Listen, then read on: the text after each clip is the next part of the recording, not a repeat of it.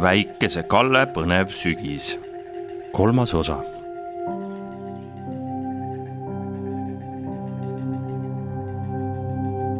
kui väike Kalle ja valimiskomisjoni liige Jõhker Juhan Sookure juurde jõudsid, seisis too hiiglasliku musta augu ääres.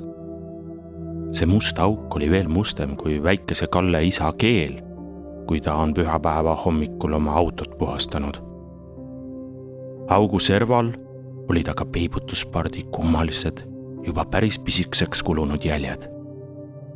jõhker Juhan vaatas väikesele Kallele otsa. hüppa linna, ütles ta, sest ei osanud endiselt S-tähte. väike Kalle raputas pead. sügav must auk oli tõeliselt must ja tõeliselt sügav. aga siis korraga tõstis sookurg tiivad, tõusis maast täpselt ühe meetri ja kaheteist sentimeetri kõrgusele, avas noka ja hüüdis. Šomalungma ja kuus mandaati ja sukeldus siis pöörase kiirusega musta auku. sügavikust kostis veel üks kluugu ja siis oli kõik. väike Kalle vaatas talle järele Juhan raputas pead. ja ütles ta, meil ükskord valiminkominjonin oli ka nii, et tulid vaatlejad.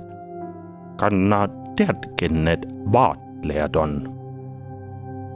väike Kalle raputas pead. ta tahtis ainult, et isa enam kivikuju poleks. tõsi, väikese Kalle isa oli ka varem kivikujuks muutunud näiteks ükskord nägi ta tänaval Kaja Kallast ning üks teine kord nägi ta Liis Lemsalu ja siis mõlemal korral ei suutnud isa enam liigutada. seisis terve päeva ja õhtu ning isegi pool ööd ühe koha peal, käsi ette sirutatud, silmad pärani ja suu lahti. aga alati oli ta sellest ju kuidagi välja tulnud. vaatlejad on need inimesed kenne meie tööd muudkui negavad, patras jõhker Juhan. Neil on trunnikud jalan ja binoklid kaelan ja nad niin muudkui vahivad meie akendent ninne. tahavad teada, ega meie hääli kuhugi ära ei vii aga meie hoiame hääli väga hoolikalt, eriti hoolikalt hoiame meie väikente laululindude hääli, aga ka nuuremate. rohkem jõhker Juhan midagi öelda ei jõudnud, sest väike Kalle oli hüpanud musta auku. väike Kalle kihutas meeletu kiirusega allapoole ja talle tuli meelde, et isa oli talle alati öelnud, et kui ta peaks elus omadega kukkuma väga sügavasse musta auku, siis ta peab säilitama ikkagi hea tuju ning ennast uuesti leidma. sellepärast katsus väike Kalle kohe oma nina ja sai aru, et kaduma ei ole ta läinud. teiseks proovis ta säilitada head tuju, kõditas ennast ruttu kaenla alt ning kukkuski naerma. nii lendas ta läbi õhu, irvitas nagu segane ja näppis oma nina, kuni blump. väike Kalle kukkus otse keset suurt mulli. tõsi jutt, see mull oli veel suurem kui see õhupall, mida su isa proovis sinu viimasel sünnipäeval kõigi külaliste ees täis puhuda. ainult et see mull oli kuidagi pehme ja liikuv ning voolav.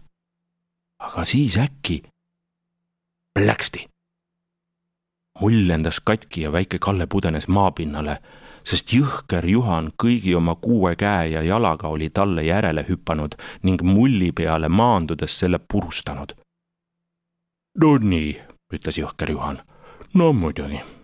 ei no muidugi, teada värk. ta käis ringi ja uuris mulli riismeid. arvata võis. kuidas siis teisiti.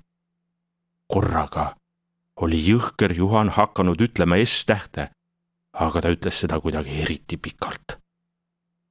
väike Kalle tõusis püsti, rapsis oma põlved puhtaks ja nägi siis, et tema ümber on veel mulle. oi jummel, neid mulle oli kümneid, isegi sadu.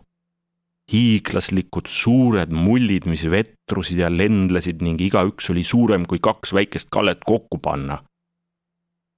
ja, ja, ütles Jõhker Juhan ja marssis ümber mullide. selge pilt, teadsin kohe.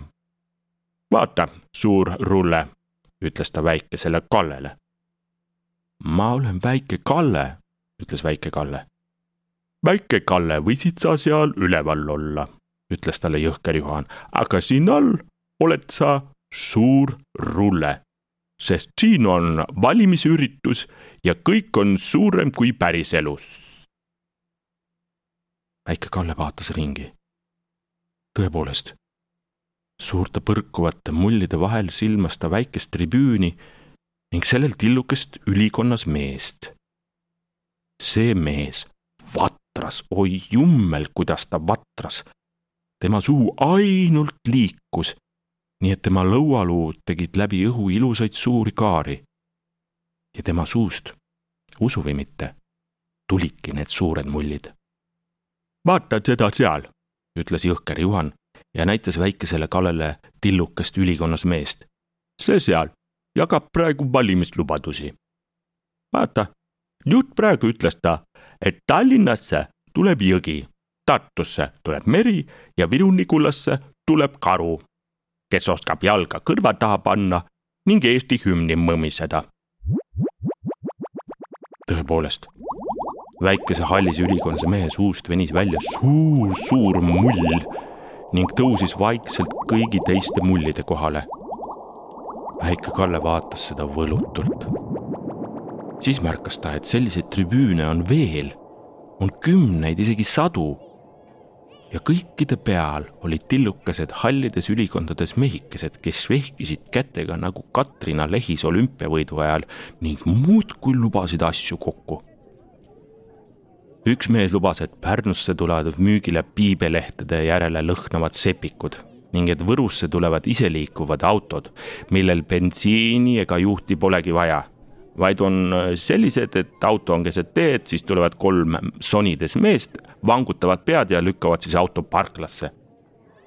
üks teine mees lubas, et iga pensionär saab jõuludeks kakskümmend neli pakki kempsupaberit ja Ott Leplandi pildiga külmkapimagneti üks kolmas mees lubas, et Mustvee linn tehakse nii korda, et see nimetatakse ümber puhtveeks ja et Sindi linna tehakse vorstivabrik ning linna nimeks saab hoopis Pekisingi, kuhu tulevad tänavad nagu täissuitsuvorsti, viilutatud delikatessipõik või šampinjonidega kõigile allee.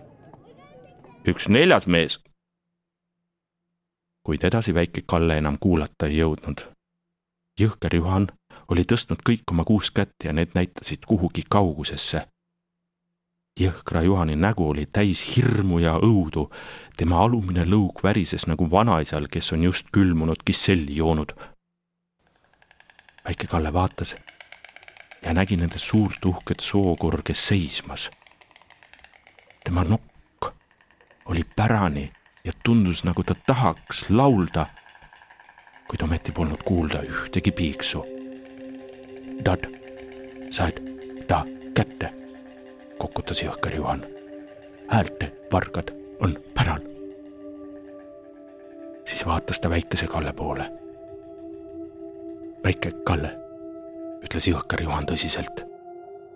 see tähendab, et sinu peibutuspart on kusagilt siindamas. minuga vabariikliku valimiskomisjoni liikmega täiskäik edasi. ja ta tormas imekiiresti Sookure poole. väike Kalle tõmbas kopsud õhku täis ja lendas talle järele